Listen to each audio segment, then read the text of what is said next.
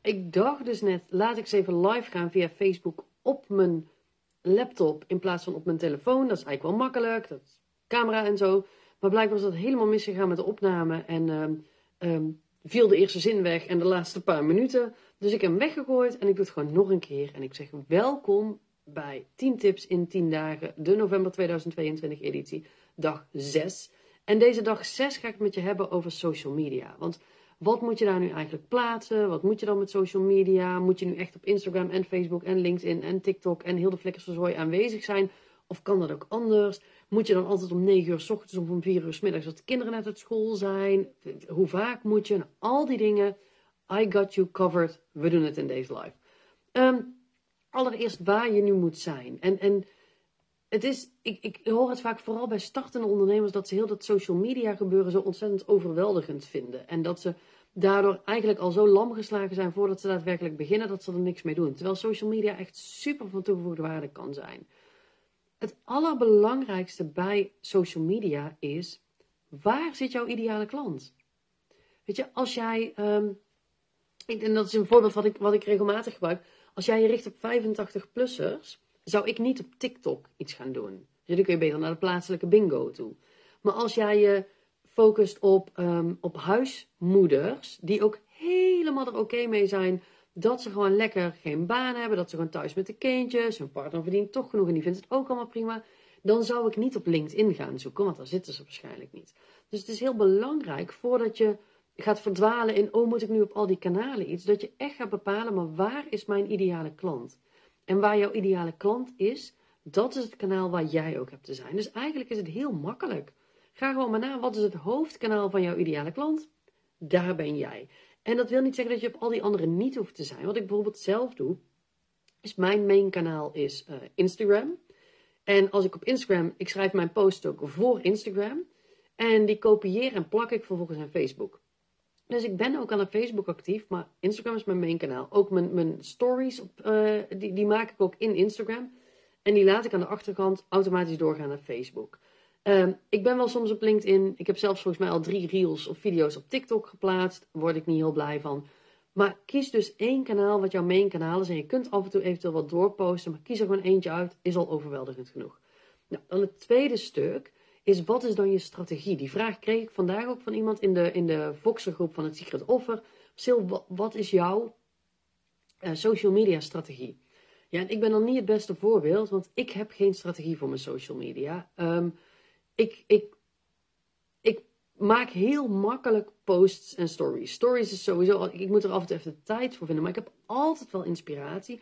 Ook voor posts, ook voor deze video's, weet je. Iedere dag, er komt wel iets op en anders vind ik wel iets of ik zoek wel iets. En desnoods maak ik gewoon nog een video of een post over dat ik geen inspiratie heb, want daar kan ik ook nog van alles over delen.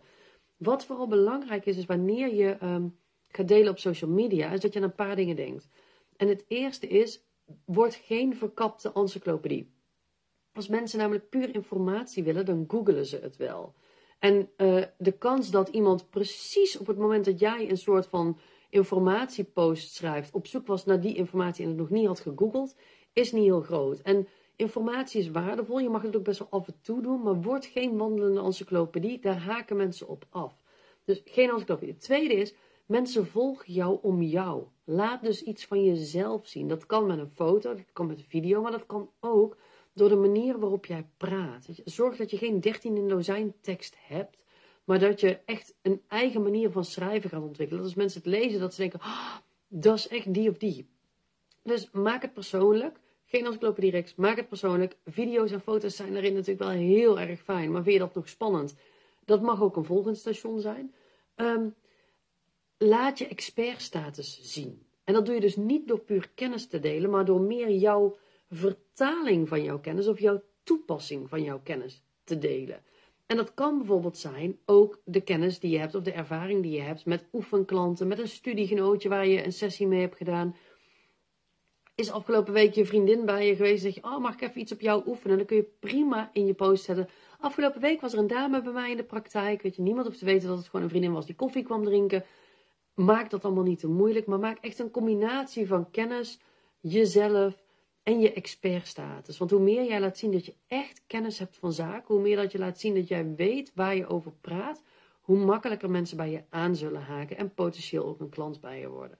Nou, het volgende wat erin heel belangrijk is, is dat je wel een bepaalde regelmaat hebt waarin je zichtbaar bent. Um, als je één keer per week een story maakt op Instagram, zijn, dan, dan, dan ga je een beetje uit het algoritme. Mensen vergeten je ook heel snel, want we leven in een enorm snelle wereld. Als je één keer per drie weken een post schrijft, denkt bijna niemand aan je. Dus zorg dat er een bepaalde frequentie in zit. Mijn advies is altijd om minimaal twee, bij voorkeur drie keer per week een post te doen. Raak je nu bijna in paniek en moet je aan de zuurstof van het idee dat je in één keer drie posts per week begin met één.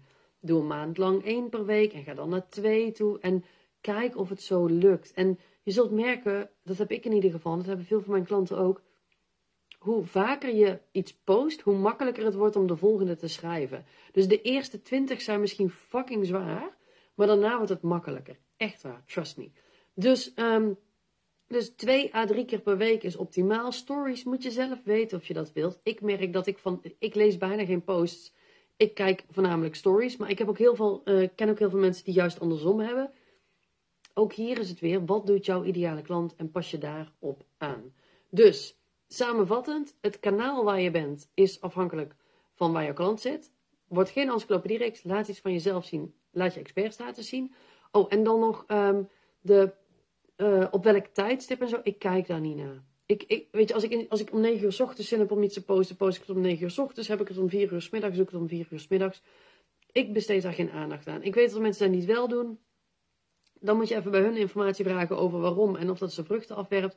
Maar maak het vooral niet te zwaar voor jezelf. Het moet geen strafkamp zijn, het moet leuk zijn. Weet je, je post op social media als het goed is, zodat je bereik vergroot, zodat je potentieel meer mensen kunt helpen. En laat dat iets zijn wat je leuk vindt. Yes? Nou, ik ben heel benieuwd wat deze voor je was. Laat het me vooral weten. Ehm, of onder de video, of als je deze als podcast, podcast luistert.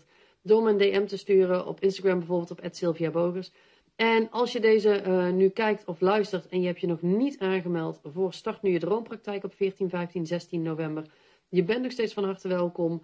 Uh, is echt voor iedereen die zegt: ik, ik, ik wil nog starten, ik ben het gestart, maar het loopt niet zo. Ik wil volgend jaar gaan starten. Het loopt al wel een beetje, maar de klanten en het geld klotsen niet echt tegen de plinten omhoog. Al dat soort dingen. Je bent meer dan welkom. Kijk even op sylviapogers.nl slash droompraktijk. Ik zet het ook even onder de video in de show notes, whatever.